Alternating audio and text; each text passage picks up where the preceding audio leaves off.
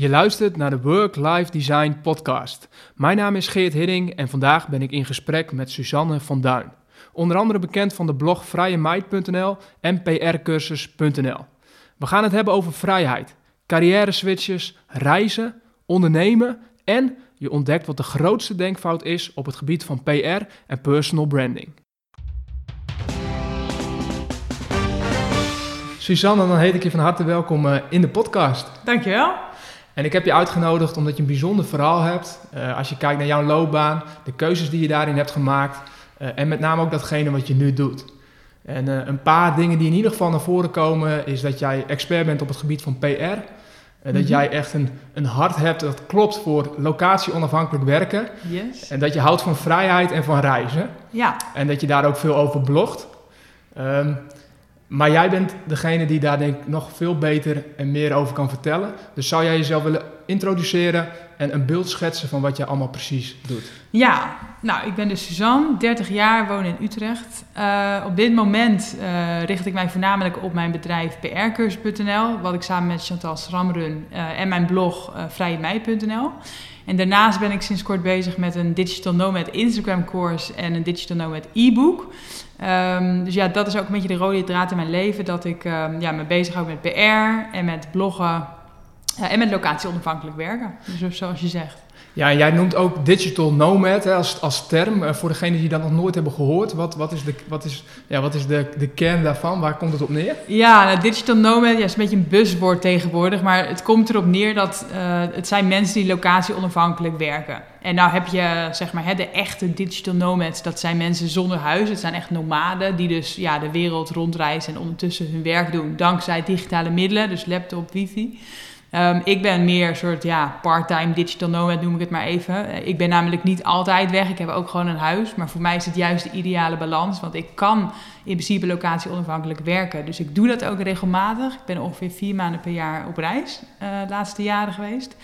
Uh, maar ik heb, ja, ik heb de keuze, ik heb de vrijheid. Dus ik heb ook gewoon een huis in Nederland. En dat bevalt me ook heel goed. En als je zegt dat je op reis bent, dat betekent ook dat je aan het werk bent terwijl dat je aan het reizen bent. Uh, het is niet vier maanden vakantie. Nee, nee, het is geen vier maanden vakantie. Het is, het is een beetje een uh, grijs gebied, zeg maar. Want ik reis dus heel veel. En omdat ik ondernemer ben, gaat mijn werk ook altijd door. Dus ik, ik heb überhaupt bijna nooit meer echt vakantie, want hè, ondernemen, je kent het. Um, dus, en, maar soms heb ik echt reizen dat ik echt werk. Dus dan bijvoorbeeld laatst ben ik naar Bali geweest, echt een maand op één plek gezeten. Ik had een coworking space daar waar ik elke dag heen ging. Dus dan ja, heb je gewoon je normale leven, maar dan op, maar dan op Bali. En een coworking space, dat is, dat, is, dat is eigenlijk je werkplek op dat moment? Ja, het is een, het is een soort openbare werkplek waar allerlei digital nomads uh, zeg maar werken. Dus ja, ook weer heel leuk. Uh, maar ik heb ook wel eens dat ik op reis ga voor mijn blog. Dus dat ik bijvoorbeeld op persreis ga. Dus dan word ik gevraagd om ergens heen te reizen en daar dan over te bloggen of over te vloggen. Uh, dus dat is dan weer op een andere manier uh, werk op reis. Iets, iets, ja, iets meer vakantieachtig. Alleen ja, moet, je, moet je alsnog wat dingen doen. En dan heb ik ook gewoon dat ik wel eens echt vakantie hou. Maar dan hou ik wel een beetje mijn mail in de gaten. Dus je ontspant ook nog ergens tussen? Ja, ik, ik, probeer wel echt die balans te hebben. Ik vind dat heel belangrijk om ook uh, in het leven ja, gewoon die balans te houden. En ook al vind ik mijn werk heel erg leuk... Ja, er is echt wel meer. En je moet niet je sociale relaties gaan verwaarlozen... omdat je werk zo leuk is. Daar ben ik heel benieuwd naar, hoe je dat ook aanpakt en welke tips je daar voor anderen ook heb, uh, voor hebt. Want iedereen is ergens op zoek naar balans ja. en in jouw leven speelt het natuurlijk een grote rol. Um, ja, als je veel op reis bent en veel onderneemt, veel verschillende dingen doet. Um, maar kun je ons nog een klein stukje meenemen in het blog wat je schrijft? Dat noemde je vrijemijd.nl. Ja. Dat, dat is de, de, de internetpagina en daar blog jij op. Ja. Wat zijn, wat zijn verhalen die je daarop deelt? Uh, ja, blog vrijemijd.nl. Ik noem het ook wel de Freedom Guide. Omdat echt de ja, vrijheid is zeg maar het centrale onderwerp. Dus ik schrijf heel veel over ondernemen, voor jezelf beginnen. Uh, maar ook inderdaad locatie onafhankelijk werken. Dus digital nomad dingen. En ook wel gewone reisdingen. Uh, als ik bijvoorbeeld een weekendje weg ben geweest. Um, en ook veel over persoonlijke ontwikkeling en geluk en balans. Dus eigenlijk is het best wel een brede blog. Met, met allemaal dat vrijheidsthema en dat ja, geluk en uh, dat soort dingen. En ik blog drie keer in de week. Uh, ik, doe dat, ik blog al meer dan tien jaar. Uh, ik had laatst mijn jubileum. Wauw, dus je bent tien jaar geleden begonnen. En, ja. dat heb je, en begonnen met drie keer per week? Of is dat, nee, op het begin had ik geen, enkele, geen enkel ritme. Ik blogde gewoon wanneer ik er zin in had. En het heette toen ik amper nog bloggen. Het, het was helemaal nog niet zo'n ding als nu. Uh, dat kwam eigenlijk pas vanaf 2010, 2011. Dus toen blogde ik net eigenlijk. Uh, en toen was ik ook nog helemaal niet zo professioneel bezig. Uh, eigenlijk pas sinds ik echt voor mezelf ben begonnen, dus 2016. Toen heb ik ook mijn blog wat serieuzer aangepakt, omdat het ook ja, meer een uithangbord werd voor werk, voor, mm. voor freelance klussen. Um, dus ja, sinds, sinds denk ik een jaar of drie, vier ben ik echt gestructureerd met een contentplanning. En inderdaad drie keer in de week op bepaalde tijden en uh, onderwerpen en dat soort dingen. En uh, neemt je bereik ook steeds meer toe? Merk je ook dat, dat er meer mensen gaan volgen? En, en, en, en, en hoe werkt dat? Krijg je daar reacties op? Ja, nou eigenlijk heb ik heel lang uh, op een best wel stabiel aantal volgers gezeten. En dat frustreerde me ook wel. Want omdat ik al heel lang bezig was, dacht ik ook van ja, weet je, ik ben nog steeds een kleine blogger. Maar eigenlijk sinds ongeveer een jaar zie ik echt een enorme groei. Dus dat is echt super leuk om te merken dat ik eindelijk ja, uh, beloond word zeg maar, voor mijn harde werk. En dat je ook merkt ja, dat meer mensen je dus volgen en lezen.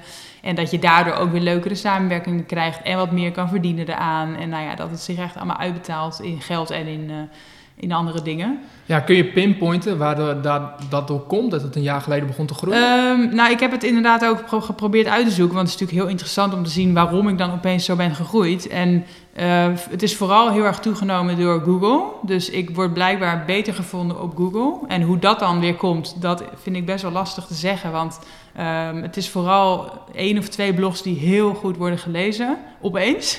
terwijl blogpost die, je hebt Ja, echt een bepaald artikel. Terwijl dat artikel staat al langer online dan, dan een jaar. Dus het is niet heel duidelijk waarom dan opeens Google dacht van... oh, nu gaan we hem promoten. Of opeens hebben heel veel mensen gezocht naar dat onderwerp. Maar het is ook niet per se een onderwerp wat dan opeens heel actueel is. Het gaat namelijk over uh, leuke plekken in Nederland om, om uh, te reizen. 25 leuke plekken in Nederland volgens mij.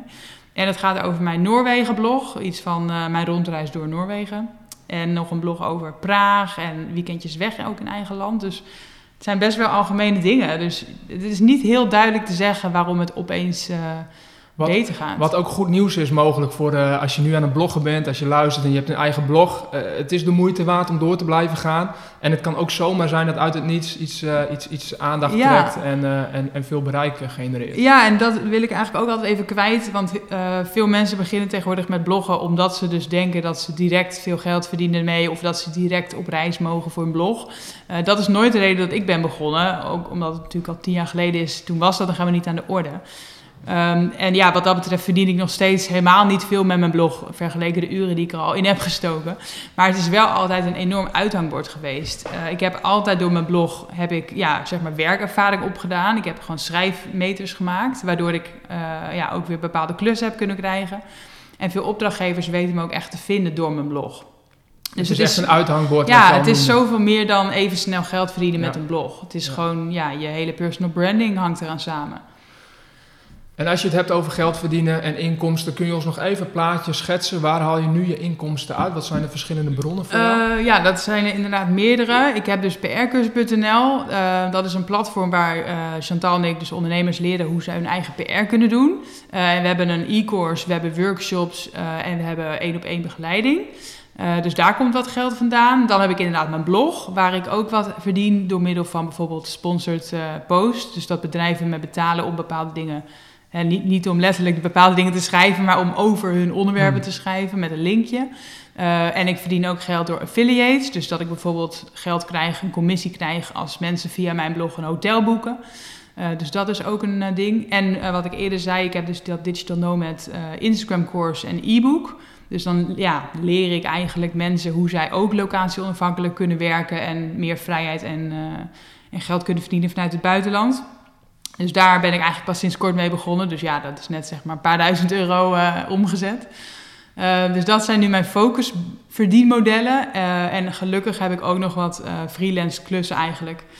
dat ik voor bedrijven PR doe. maar dat doe ik nu een beetje achter de schermen, omdat ik me daar niet heel erg meer wil op focussen. Maar daar komt wel nog steeds het meeste geld vandaan. En dat deze inkomstenbronnen is niet van de een op de andere dag zo ontstaan, nee. kan me voorstellen. Nee, zeker niet. Dus kun je ons meenemen in de reis hier naartoe? Van hey, waar ben je begonnen en welke stappen heb je in dat proces gezet? Ja, nou dat is ook even geleden alweer. Ik ben nu 30. um, ik ben afgestudeerd in 2011 en ik ben rechten, in rechten afgestudeerd. Dus um, ik begon in 2012 als jurist iets heel anders. Dus dat is ook allemaal mogelijk. Uh, wat, wat, wat, maakte dat je toen die richting gekozen had? Wat sprak je daarin ehm, aan? Nou ja, in eerste instantie gaat het nog iets verder terug. Want ik was 18 en ik wilde geneeskunde studeren. maar ik ben uitgeloot. Uh, en toen was een beetje de vraag, ja, wat doe je dan? Want je hoort dat één maand voordat je studiejaar begint. Uh, ja, een beetje op, op aandrijven van mijn ouders eigenlijk, heel cliché, ben ik toen maar rechten gaan doen. Want ja, dat een beetje baangarantie. Ja, en, uh, inderdaad. Nou, dat was dus eigenlijk het dubbele. Want inderdaad, toen zei iedereen van, oh, dan verdien je, uh, of, verdien je veel geld en dan heb je snel een goede baan. Maar toen ik uiteindelijk afstudeerde, was het echt dikke crisis, was 2011. Hmm. En ik kon helemaal geen leuke baan vinden. Dus dat was eigenlijk heel erg... Uh... Er was jou een worst voorgehouden en uiteindelijk was ja, helemaal niet zo precies. goed. precies. Dus ik baalde dubbel. nee, dus uiteindelijk in 2012 uh, vond ik wel een baan als jurist, maar helemaal niet in het uh, gebied wat ik wilde. En ja, het was gewoon echt lastig en helemaal geen droombaan en ook helemaal niet goed betaald en gewoon echt een deceptie. Um, en ja, toen heb ik heel veel doorgesolliciteerd, maar niemand nam me aan. En ja, toen dacht ik van ja, het is crisis. En nu denk ik wel eens van ja, het moest zo zijn. Of ja, misschien pas ik, pas ik er toch ook gewoon niet. Um, maar omdat ik dus altijd al blogde, kon ik toen een carrière switch maken naar redacteur. En toen ben ik als redacteur begonnen bij een modevakblad. Dus, uh, dat is niet hetzelfde straatje als ju uh, jurist. Nee, dus het, was, ja, het moest zo zijn, denk ik dan maar weer. En blijkbaar ja, kan ik dat dan toch en, uh, en probeer ik het ook. Want veel mensen willen een carrière switch, maar durven ook niet en solliciteren ook niet. En ik dacht, nou ja, ik probeer het gewoon.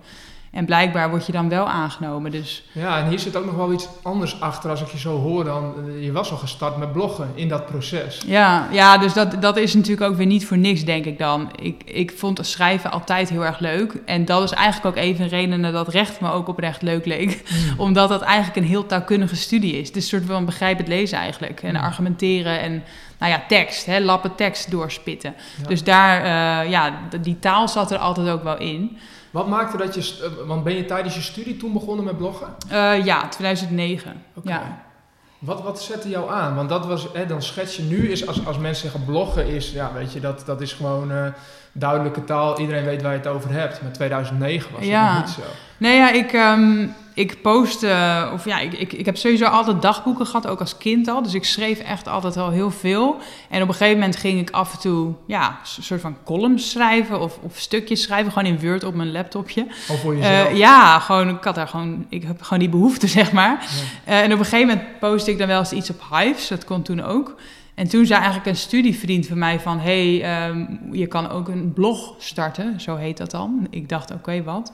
Uh, en dat, dus ik, ja, hoe dan? Wat, wat is dat dan? En toen heeft hij volgens mij mij laten zien van... ja, blogspot.com of zo. Toen heb ik daar iets aangemaakt. En eerst was dat ook nog geheim. Ik wilde eigenlijk helemaal niet dat mensen daarvan wisten. Ik wilde gewoon ergens was echt eigenlijk ja. voor jezelf. Het was gewoon uit. Ja, ik wilde gewoon, ik wilde stiekem doorbreken, maar niet dat eigenlijk mijn familie of vrienden het wisten, weet je wel? Dat je niet nog, nog een beetje awkward. Ja, ja, precies. Nee, en, en, soms post ik ook echt wel persoonlijke dingen, ook over mijn frustraties op mijn studie of wat ik dan moest gaan studeren en ja, wat ik zou gaan doen. En ja, ik was gewoon heel erg zoekende. Dus ja, achteraf valt het dan toch allemaal wel op zijn plek hoe het is gelopen. Dus toen ik uiteindelijk inderdaad um, um, als redacteur begon, ja, dat was ook weer niet zo'n hele erge verrassing. Want mensen vragen van, hoe kan je dan zo'n switch maken? Maar eigenlijk ging het natuurlijk al jaren aan uh, vrijwilligerswerk aan vooraf, ja, zeg maar. Ja, en dat vergeten veel mensen. Dat is dat, dat, dat stukje onder de ijsberg of onder de wateroppervlakte, wat heel veel mensen niet zien. Maar ja. de uren die je daarin hebt gestoken, die hebben je eigenlijk klaargestoomd ja. om zo'n stap te kunnen maken. Ja, ik heb eigenlijk vier jaar lang natuurlijk gewoon uh, heel veel schrijfervaring opgedaan. Ja. Hoe kwam deze kans voorbij voor dit uh, uh, nou, Leuk genoeg ook op Twitter. Dus op Twitter zag ik een vacature en um, ja, dat, dan moet je dus ook al wel echt een beetje daarvoor openstaan en op de juiste social media kanalen denk ik zitten. Dus iemand die retweet een vacature en ik zag het en ik dacht nou ik ga gewoon... Uh, solliciteren. En het was, was, mode ook altijd al iets waar je uh, Ja, nou zeker toen. Tijdens mijn studententijd was ik heel erg aan, aan het struggelen met van... goh, ben ik nou een soort stijve jurist... of ben ik stiekem een soort wannabe... Uh, Carrie Bradshaw, Sex in the City, wil ik een soort van modecolumn of zo in een blad. Dat was wel een beetje mijn stoute meisjesdroom. Dus toen ik bij Textilia begon, dacht ik ook wel van wow, living the dream. Cool, ja, ja. dus dat was echt, je zat daar in eerste instantie goed op je plek. Ja, nou dat, dat is inderdaad, zo gaat het verhaal verder. Dat, wat ook wel weer dus opvallend was, is dat ik dus eigenlijk een droombaan bemachtigde. En toch had ik eigenlijk binnen een jaar zoiets van, dit is hem niet. Uh, dus ik heb binnen een jaar weer mijn baan opgezegd. Want wat er ook namelijk altijd in mij zat, is uh, de reisdrang. En die komt hier een beetje om de hoek kijken. Uiteindelijk voelde ik me best wel gevangen in, in elke baan die ik had. Uh, uiteindelijk zelfs een hele leuke baan. Ja, je zit gewoon op kantoor. En je hebt, nou ja, als je mazzel hebt, had, je, had ik volgens mij vier of vijf weken per jaar vakantie. En dan mocht dan ook niet langer dan drie weken achter elkaar. En ja, ik voelde me eigenlijk gewoon een beetje gevangene. Ja, eigenlijk wat je hier zegt, wel heel belangrijk. Dat het uh, het ging je nog niet eens zozeer om de inhoud van je werk. Want de inhoud van je werk vond je fantastisch. Ja, maar ik meer vond om de het, ja. randvoorwaarden en de context waarin je dat deed. En dat beperkte jou in, in elke kantoorbaan. eh, Ja, zeg ja, precies. Die vrijheid was voor mij het eh, belangrijkste. Dus zeg maar, ja, ik wilde gewoon meer en vaker kunnen reizen. Maar ook wel dingen als op een bepaalde tijd op kantoor moeten zijn. Überhaupt op kantoor moeten zijn. Want je kan ook gewoon thuiswerken, zou je denken. En Hm. ja, ook wel inhoudelijk meer. Dat ik, eh, dat ik merkte dat ik schrijven heel erg leuk vind. Maar ook weer niet 40 uur per week puur eh, ja, met het doel om stukjes te schrijven. Hm. Ik miste een beetje ja, een soort van projecten of een beetje ja, lange termijn visies met hè, eh, ja, waarvoor schrijf ik dit? Of ik weet niet. En wat, wat ik dus ook merkte toen, ja, ik interviewde heel vaak bedrijven. En daar schreef ik dan een stukje over en dat plaatste ik eh, op textilia.nl. En eigenlijk is dat gewoon PR voor bedrijven. Want je zet die bedrijven in de spotlight. Hm. En toen is een beetje het zaadje geplant voor mijn PR-liefde. Dat ik dacht van, hé, hey, dit vind ik eigenlijk leuk. Ik vind het leuk om mijn schrijfskills in te zetten... om eigenlijk een ander te helpen om zichtbaar te zijn. Uh, toen heb ik dus mijn baan opgezegd. Ben ik eerst even een half jaar op reis gegaan. Uh, en toen dacht ik, ja, en nu, hè, nu moet ik dan toch weer een, een, baan zoeken. En wat wil ik dan? Wil ik weer naar de juridische hoek? Wil ik weer iets in de ja, modejournalistiek? Of misschien toch dan meer ja, PR. Ik wist niet eens wat het was eigenlijk. Ik dacht gewoon, volgens mij is dat PR. Gewoon iets met, met uh, tekst en communicatie en online. En nou ja, laten we gewoon maar een beetje googlen op vacatures. Je was gewoon zoekende weer opnieuw. Ja. Wat, wat, wat, wat wil ik? Ja, En hierin ga je wel heel snel. Want waar ik heel benieuwd naar ben namelijk, is dit, ehm, eh, dit klinkt nu heel makkelijk.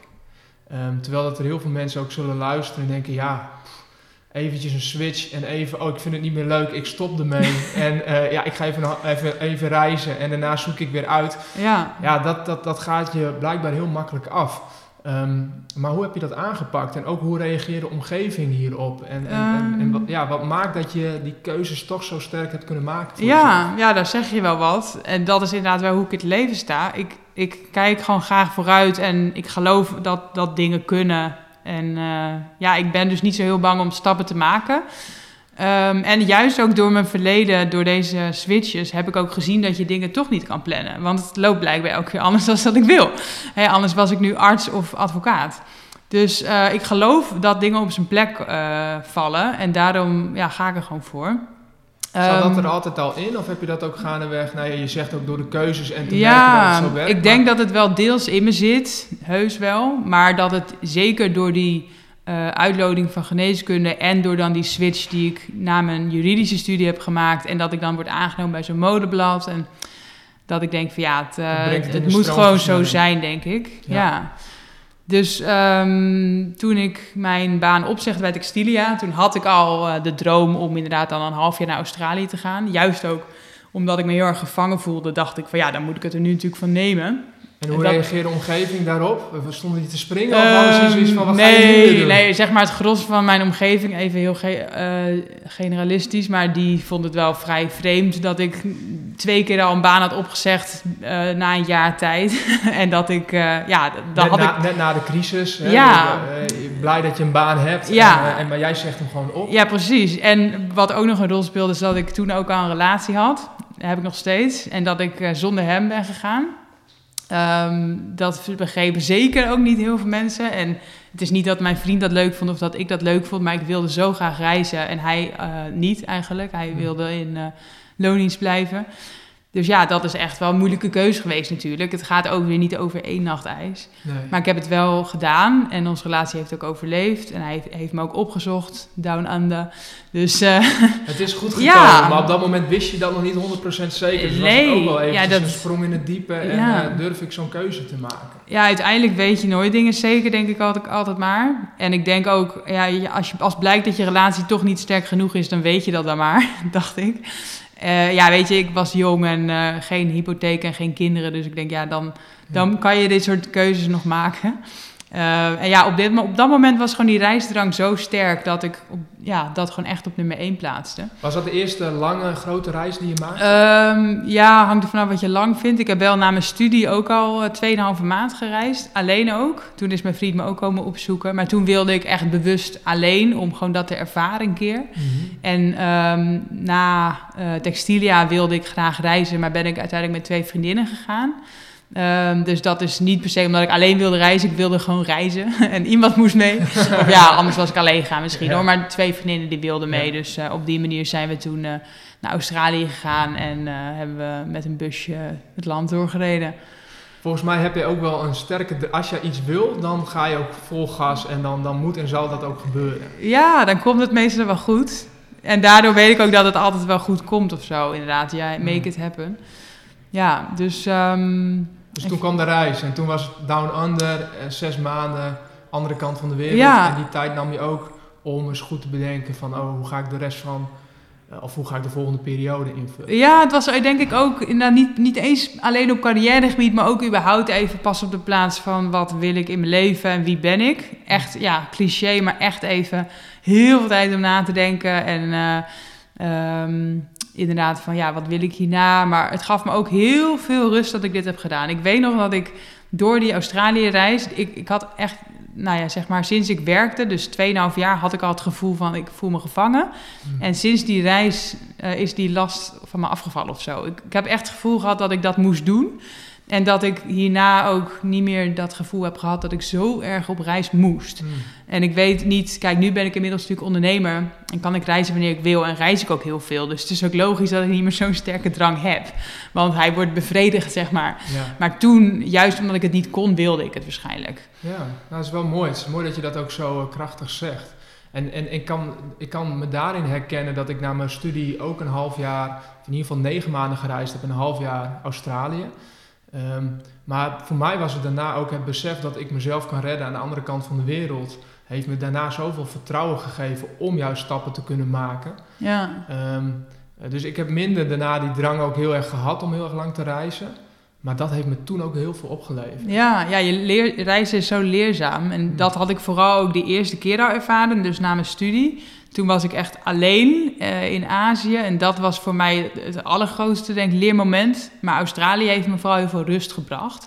Uh, en ik miste natuurlijk ook mijn vriend heel erg. En dat was natuurlijk ook weer een goed teken. Dus uh, ja, daarna zijn we ook gaan samenwonen en kwam alles op zijn plek, zeg maar. Ja, maar je had die stap naar buiten wel nodig. Ja, ik, ja. ik moest toch denk ik even dat beseffen wat ik had of zo. Of ja, toch die reisdrang achterna. Ik weet het niet zo goed, maar in ieder geval sindsdien gaat het, gaat het allemaal in een positieve flow. Um, Bleef je bloggen ook in die periode? Uh, heel weinig, want er was, we waren vooral in de Outback en daar was gewoon echt bijna geen internet. Maar als ik internet had, dan ging ik inderdaad snel een blogje tikken. Maar ja, misschien één keer in de week hoor. Dus dat is voor mij doen weinig. Hmm. Uh, maar daarna, eigenlijk sinds Australië, heb ik het toen best wel uh, fanatiek opgepakt. Ik ben namelijk toen drie maanden werkloos geweest weer, want ja, ik had natuurlijk geen baan meer.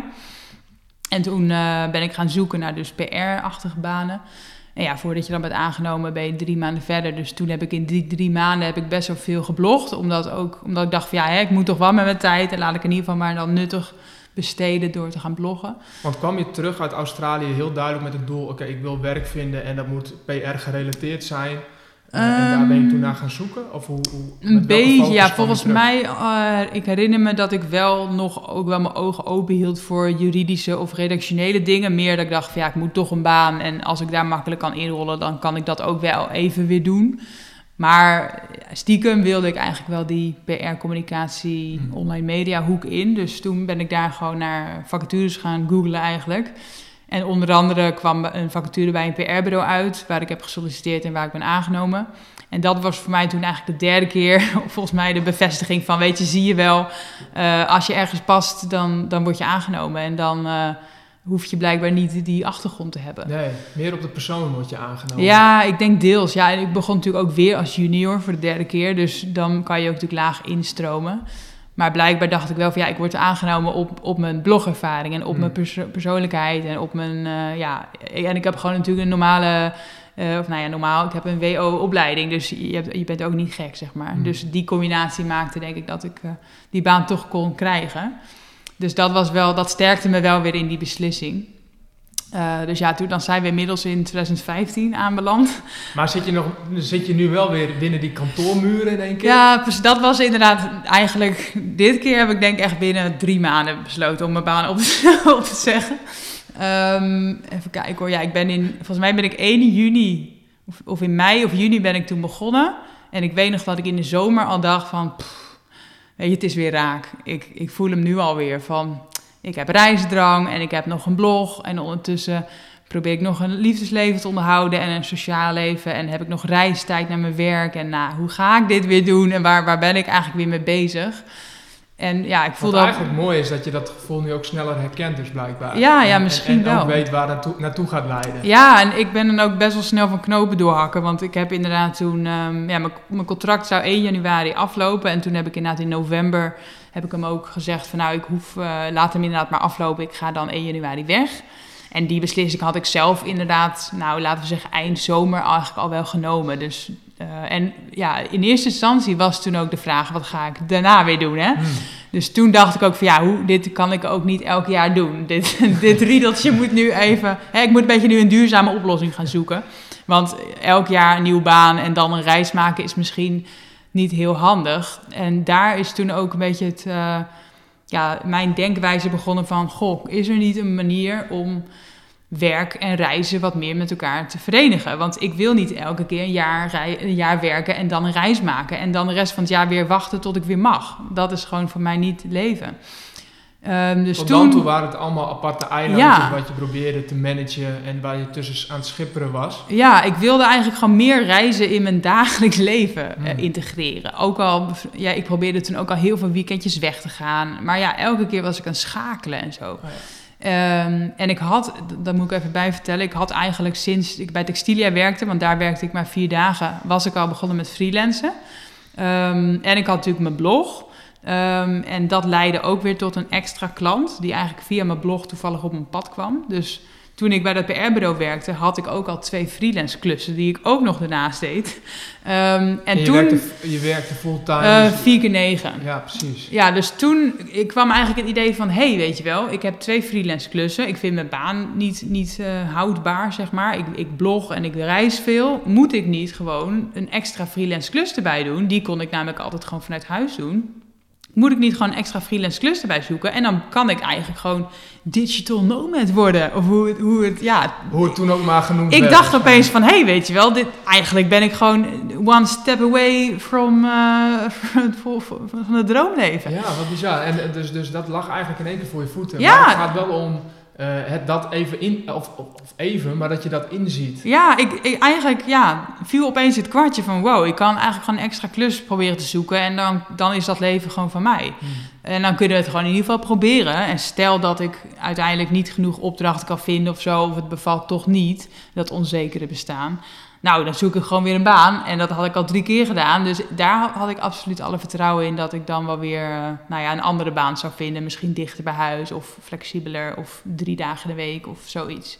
Ja, dus de grootste angst die heel veel mensen hebben om een stap te maken, die was bij jou heel klein. Ja, ik had niet zo heel veel te verliezen. Ik, wilde, ik wilde een andere baan en ik wilde meer vrijheid. Dus ja, er was eigenlijk maar één optie en dat was gewoon ervoor gaan. Voor mij. En wat zorgde ervoor toen je die knop om had gezet? Wat kwam er toen op je pad en hoe, uh, ja, wat leverde dat op? Ja, ik, ik probeer me soms het moment te herinneren dat ik dit echt heb besloten. En ik weet het dus gewoon niet meer. Dus het is denk ik blijkbaar over een meerdere weken of zo gegroeid. Want er, er is niet één Eureka-momentje geweest. Maar ik weet wel nog dat ik het op een gegeven moment, hè, als je dan echt je baan opzegt of zo, dat is dan echt natuurlijk heel officieel.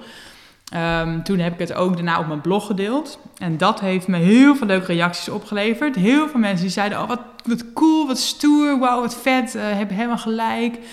En dat had ik in mijn omgeving eigenlijk helemaal niet. die mensen vonden allemaal maar raar dat ik voor de derde keer mijn baan ging opzeggen. En notabene om onzeker bestaan tegemoet te gaan. Hmm. Dus dat sterkte me heel erg dat mensen online eigenlijk allemaal dachten: wauw, wat, uh, wat leuk. Dat werd meer een community ook. Ja, allemaal volgers, zeg maar, op social media en uh, eigenlijk alle online uh, vrienden, zeg maar, die waren heel positief. Dus toen dacht ik echt: ah, cool, dat, nu ga ik er echt voor. En ehm, toen kreeg ik ook een derde en een vierde klus eigenlijk. Dus toen ik uiteindelijk in, wat is het, januari 2016 echt ja, zelfstandiger werd, toen had ik vier klussen al. En ik had al een reis in het verschiet uh, van zes weken. Dus, ja, je was, je, was, je beeld al aardig aan het vormen en de juiste puzzelstukken stukjes aan het verzamelen. Ja. wat je net zegt triggert mij ook omdat je daarin heel duidelijk aangeeft hoe belangrijk het is uh, om een juiste omgeving voor jezelf te creëren. Ja.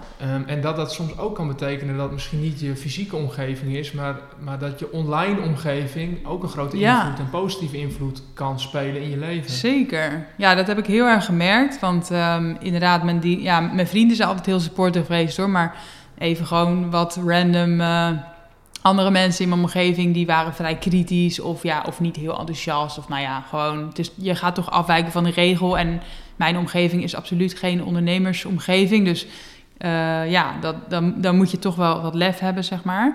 Um, en die online omgeving, die was heel supportive en dat sterkte me wel. En uiteindelijk, als je dan gaat ondernemen, ontmoet je ook weer nieuwe ondernemers. En helemaal als je ja, naar events gaat en zo waar ondernemers komen. En Um, ik weet nog wel dat ik ook op mijn eerste ja, Digital Nomad event eigenlijk was. En dat toen iedereen begon te knikken en zo bij wat ik vertelde en, en me high fives gaf. En dat ik echt dacht van wow, mensen snappen wat ik doe. En ze vinden het niet raar en ze, ze willen dit ook of ze doen dit ook. En dat ik toen echt dacht wauw. Met andere woorden, zoek ook gelijkgestemden. Ja. Zoek mensen die like-minded zijn en op dezelfde manier denken en doen zoals jij dat doet. Ja, zeker. Ja, ik bedoel, je hoeft echt niet... Weet je, uiteindelijk moet je doen wat je wil natuurlijk. Um, maar het is zo fijn om mensen in je omgeving te hebben die je begrijpt... of waar je je aan kan optrekken. Of in mm. plaats van mensen die je klein houden. Ja.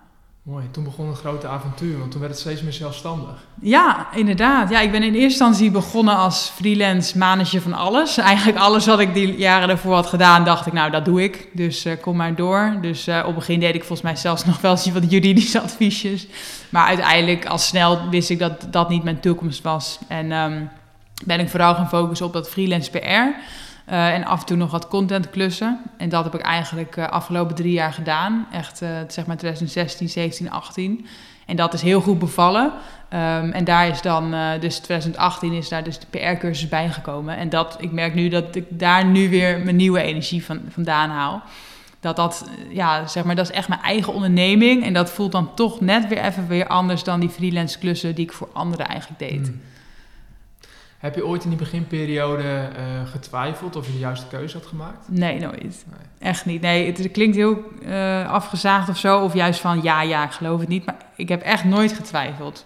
Ik heb heel vaak gehoord van mensen die na het eerste jaar van... oh, ik, ik heb echt zo vaak gedacht dat ik moet terug in loondienst. Dat heb ik echt nooit gedacht. Ik heb echt nog nooit een uur gedacht van dit wordt hem niet. Zelfs niet. toen je mogelijk dingen deed die je daarvoor ook deed, of niet het leukste werk deed. Dus je hebt wel ook in die beginperiode wel vieze meters moeten maken en gewoon je uurtjes moeten draaien. Ja, dus deed je inhoudelijk deed je niet, hè, je, was het niet je droombaan, maar, maar je, je merkte wel van dit klopt wel, dit zit ja. in de juiste, ja, ik heb, ik heb inderdaad droombaan nooit zozeer gekoppeld aan inhoudelijk wat ik doe. Ik vind hmm. droombaan veel meer gekoppeld aan waar kan je werken, hoe, uh, wanneer, met wie. Uh, ja, alle, alle randvoorwaarden eigenlijk. En kijk, ik vind mijn werk vind ik leuk hoor. Maar inderdaad, het is niet dat ik elke dag leef voor bijvoorbeeld PR of zo. Ja, het is gewoon een heel mooi middel. En ik vind, ik word heel enthousiast van andere, andere enthousiast maken over PR. Maar het is niet dat ik de hele dag persberichten zit te tikken of zo en dat ik daar mijn energie uithaal. Ik vind het veel leuker om de gedachte erachter dat ik ondernemers help om zichtbaar te zijn en dat ik door dit werk de vrijheid heb gecreëerd voor mezelf om inkomen te genereren en te reizen en nou ja, te doen wat ik leuk vind. Ja, het is wel mooi hoe je het schetst. Dus ook uh, eh, uh, PR gebruik je als middel om te kunnen doen wat je, wat je wil. Ja. zo gebruiken anderen ook PR weer als middel om zich te kunnen verkopen of een product te verkopen. Um, of onder de aandacht te brengen. En zo, zo werkt dat voor jou ook. Dus het werkt dubbel op eigenlijk. Ja, precies. Ik denk dat je gewoon moet kijken naar wat voor leven wil ik en, en wat kan ik, hè, om dat dan te bekostigen. Maar dat je niet je hele leven moet ophangen aan inhoudelijk je functie. Want ik ben inderdaad voor mezelf begonnen met puur om vrijheid. En toen ben ik gaan kijken, oké, wat kan ik dan gaan doen? En op het begin heb ik uh, echt vanuit lopende dingen gedaan. Ik heb ook social media gedaan op redacties. En uh, ik heb echt letterlijk uh, vlogs zitten uittypen naar soort van blogjes. Dat ik echt dacht, ja, weet je, ik kan wel heel arrogant doen en, en mezelf hier te goed voor voelen. Maar ik moet gewoon geld verdienen. En ik moet gewoon meters maken en netwerken en en ja, dat heeft in mijn geval ook gewoon goed uitgepakt. Als ik ook kijk naar het verloop, is het echt super uh, smooth gegaan eigenlijk. Gewoon het eerste jaar heb ik echt van alles gedaan, van alles aangepakt, overal ja op gezegd. In het tweede jaar ben ik toen heel erg uh, gaan focussen van, nou oké, laten we niet alles meer doen, maar gaan focussen op echt hele leuke klanten die ook echt een mooie missie hebben en een beetje met reizen bezighouden of nou ja, dat soort dingen. In het derde jaar ben ik heel erg gaan groeien. Dus echt, uh, oké, ik ben uh, met een team gaan werken en mensen de dingen gaan uitbesteden en zeg maar op die manier weer verder gegaan. Dus ja, het, het, pakt ook gewoon goed uit. Ja, dat is mooi. En, en volgens mij zitten er ook twee grote waarden van je, kernwaarden in die daar continu terugkomen. Dat is, dat is vrijheid. Ja. Maar ergens zit er ook groei. Ergens zit er ook iets van, oké, weer, weer, weer door kunnen gaan naar een volgend hoofdstuk. Ja, dat heb ik nooit echt heel bewust. Tenminste, vrijheid is altijd zeg maar nummer één van oké, kan ik vrij zijn? Oké, top. Dat zorgt ook voor een grote smelgelijkheid. Ja. maar uh, groei, groei vind ik ook heel leuk, maar daar ben ik minder bewust mee bezig. Maar dat komt omdat het misschien automatischer gaat. Hmm. Vrijheid is wel iets wat ik altijd heel bewust opzoek. Uh, maar groei is altijd vanzelf gegaan. En ik weet niet helemaal waar dat dan vandaan komt, maar ja, ik wil toch altijd door. en wat betekent, wat maakt dat vrijheid zo belangrijk onderdeel is. Heb je daar, zeg maar, ja. kun, je daar, kun je daar de vinger op leggen wat het, wat het dan is? Wat het, wat ik vind het lastig. Ik denk inderdaad dat het echt mijn kernwaarde is. Dat, dat ik heel erg een drang heb. Maar ik vind het lastig om te kijken waar dat vandaan komt. Ik ben wel iemand die ook al met mijn ouders heel vaak uh, ja, op vakantie ging. Maar goed, ik heb wel dit meer dan mijn, de rest van mijn familie. Dus hmm. ik weet niet zo goed. Uh, ja, ik ben wel ook vrij eigenwijs en. Uh, ik kan niet zo goed tegen autoriteit of als, ding, als mensen iets voor mij bepalen. En dat is natuurlijk ook weer gelinkt aan vrijheid. Ik wil mm. niet dat andere mensen iets voor me bepalen. De, en dat heb ik wel vrij sterk. Dus daar komt misschien ook wel dan weer dat vrijheidsdrangetje vandaan. Ja, dat hoor je veel uit de mond van ondernemers komen die daar wel last van hebben. Ja. Of last eh, die dat misschien als kracht gaan gebruiken. Ja. Mooi. Ja, ik heb er nooit echt een uh, theorie op, op uh, losgelaten. Nee. Als je kijkt, want waar je wel een theorie op losgelaten hebt, is uh, PR ook met name.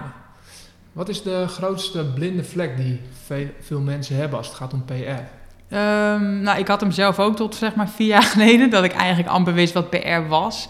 Uh, en het komt ook misschien pas kijken als je gaat ondernemen, want dan moet je zichtbaar zijn voor, om klanten te vinden of om aan te trekken. En dan wordt het ook bezig van belang. Kijk, als werknemer ben je er ook eigenlijk niet mee bezig. Wat valt er allemaal onder PR? Uh, ja, nou ja, dat is wel een goede vraag. En PR is eigenlijk een beetje een oudbollig begrip misschien. Maar eigenlijk komt het erop neer dat je gratis publiciteit wilt. Je wilt zichtbaar zijn en niet door middel van adverteren, maar door uh, ja, het liefst dat andere mensen over je gaan schrijven in de media. Uh, maar je kan natuurlijk ook aan je eigen PR werken door te bloggen, wat ik dus ook doe. Of door social media, of inderdaad een podcast, of uh, nou ja, spreken op een event. Gewoon allerlei manieren om gratis zichtbaar te zijn en publiciteit te krijgen, dat is PR.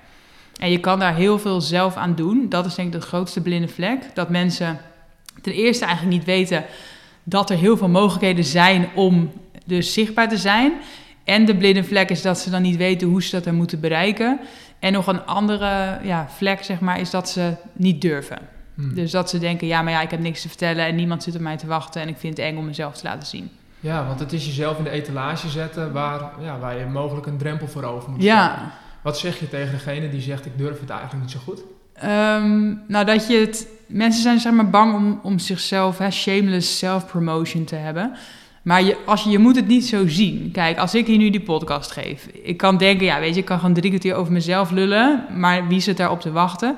Maar je moet het zo zien. Ik kan misschien iets betekenen voor iemand met mijn verhaal. En daar doe ik het voor. Mm.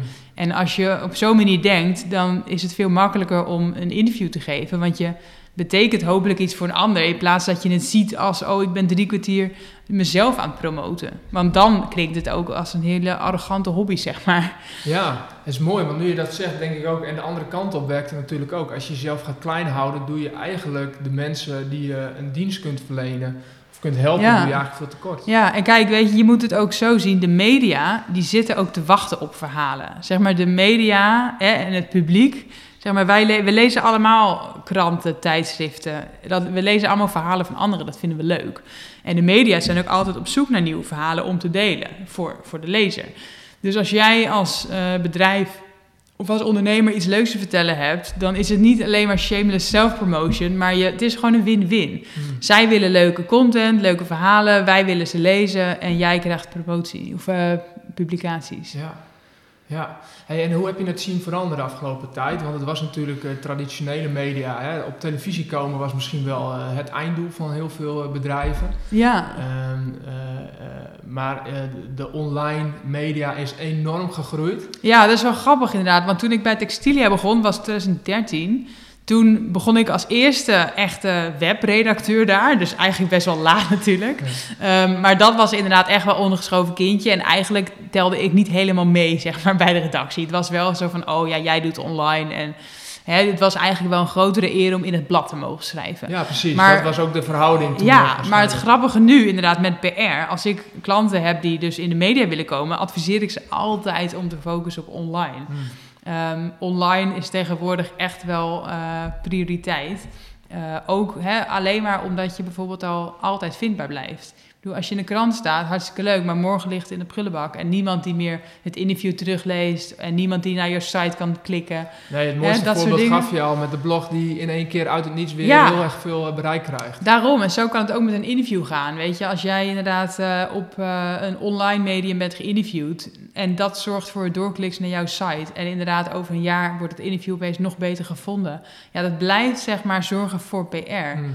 Terwijl ja, een krant, ja, dat heb je morgen niks meer aan. Nee, nee. Wat hoor je, wat, wat hoor je nog heel veel terug? Want wie is jouw doelgroep? Wie, wie begeleid je met name op het gebied van PR? Eh, als ik freelance werk voor, voor klanten? Eh, ja, en, en ook nu met de, de PR-cursus Ja. die, je, die je noemde. Eh, nou, ja, PR-cursus helpen eigenlijk echt ondernemers om dus zichzelf beter te laten zien. Dus onze echte main doelgroep zijn eigenlijk vrouwelijke ondernemers. Ehm, vooral omdat we merken dat vrouwen het nog moeilijker vinden dan mannen om zichtbaar te zijn.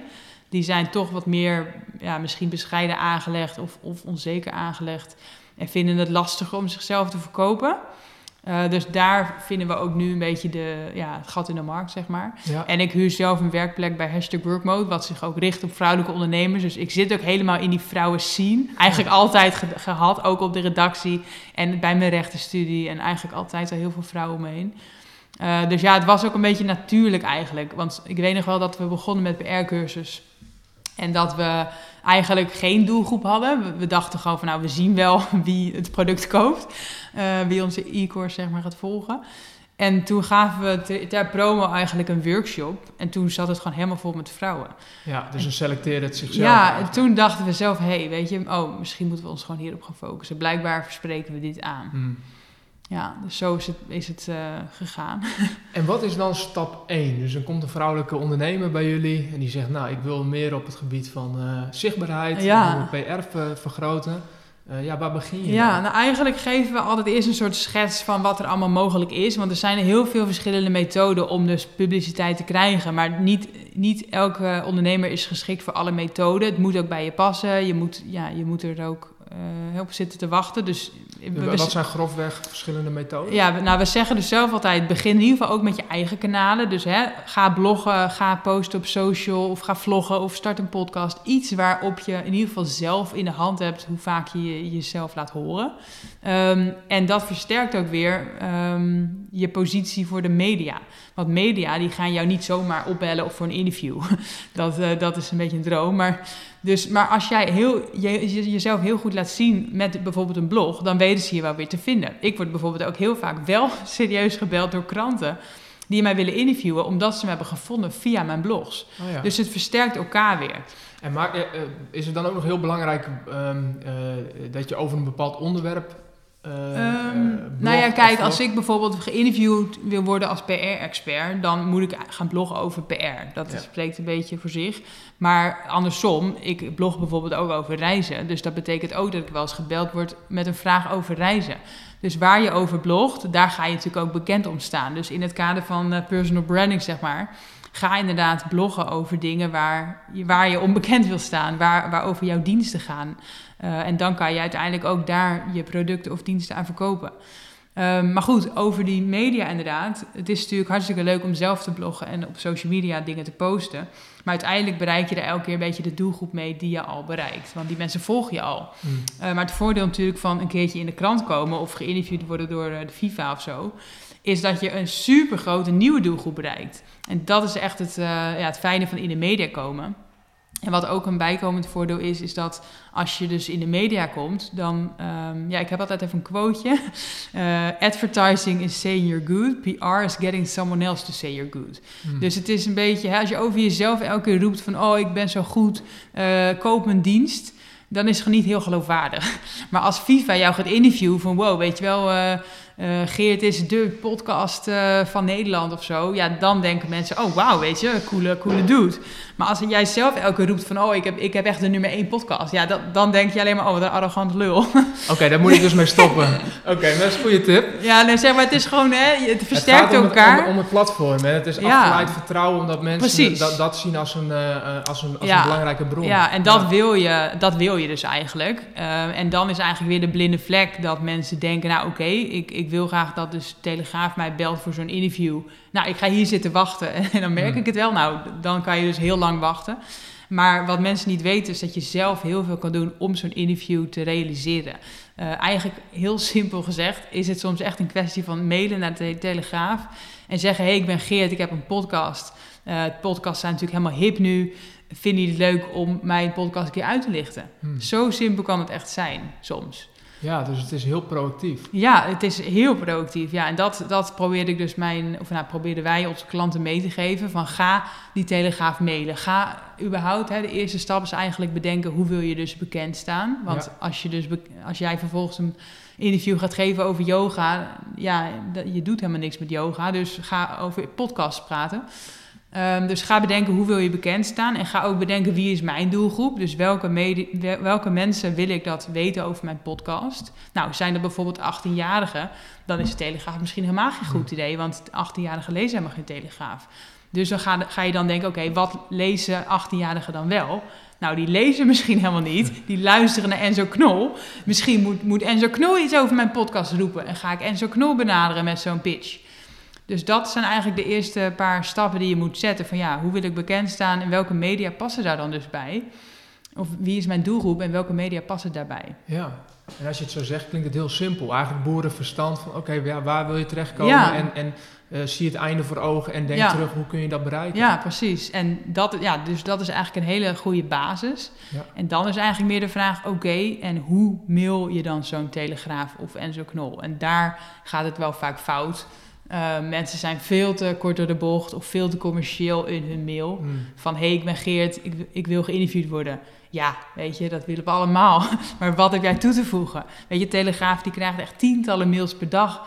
van nog een andere Geert en Suzanne die ook in de media willen komen. Ja, Dus dus, je, moet onderscheidend zijn, je moet opvallen Ja. en, en eh, eh, ja, daar Ja. begint het proces. En echt ook die, die, ehm, ja, die verplaatsing in de journalist. Van waarom zou deze journalist mij willen interviewen? Wat kan ik bijdragen? Wat is mijn verhaal wat misschien interessant is? En dan is de podcast misschien een soort van side note die ik ook even kan vermelden. Eh, dus ik ben bijvoorbeeld ook heel vaak in de media gekomen met dus mijn carrière switch. Dat mensen dat een leuk verhaal vonden en dat kon ik dan vertellen. En dan kon ik ook vertellen wat ik nu doe. Dus dan hè, heb ik alsnog zeg maar mijn PR voor mijn bedrijf. Maar het is niet de, de insteek van het interview. Ja, precies. Mooi. En tegelijk denk ik ook, je wint er ook veel mee, want dat verhaal wat je in kranten wil of wa- wat je eruit wil hebben, ehm, dat helpt ook in je eigen verhaal en je bedrijf weer strak Zeker, ja. Ik heb, ik heb zo vaak nu al interviews gegeven. Eerst over de carrière switch en ook over digital nomad zijn. En over voor jezelf beginnen en nou ja, over PR. Dat ik nu veel duidelijker ook voor ogen heb wat mijn verhaal is. En wie Hmm. mijn doelgroep is. En, en of ik dus ook de juiste media benader voor, met deze interviews. Ja. Ja. Ja, mooi. Het enige wat nog bij me opkomt is de tegenargument die je ongetwijfeld vaak hoort, is ja, ik snap het, maar daar heb ik geen tijd voor. Ja, dan besteed je het uit. nee, ehm, nou ja, ik denk dat het leven bestaat uit prioriteiten. Want mensen zeggen dat ook altijd over bloggen. Van ja, weet je, ik weet dat ik dat meer zou moeten doen. Maar ja, ik heb geen tijd. Denk ik, ja, ik heb niet meer tijd dan jij. Ik blog ook eh, drie keer in de week. En ja, dat is ook een kwestie van trainen en Mm. routine opbouwen. En, en het is ook mijn ding. En misschien is het gewoon niet je ding en moet je een ander ding zoeken. Kijk, er zijn heel veel manieren om jezelf te laten zien. Dus kies vooral de manier die bij je past. En als jij inderdaad denkt van, oh, ik ga elke dag uh, vloggen en video's editen. Ja, weet je hoeveel werk dat is? Hmm. misschien moet je gaan vloggen op Instagram. Of moet je inderdaad, misschien is een podcast makkelijker. Ik heb geen idee.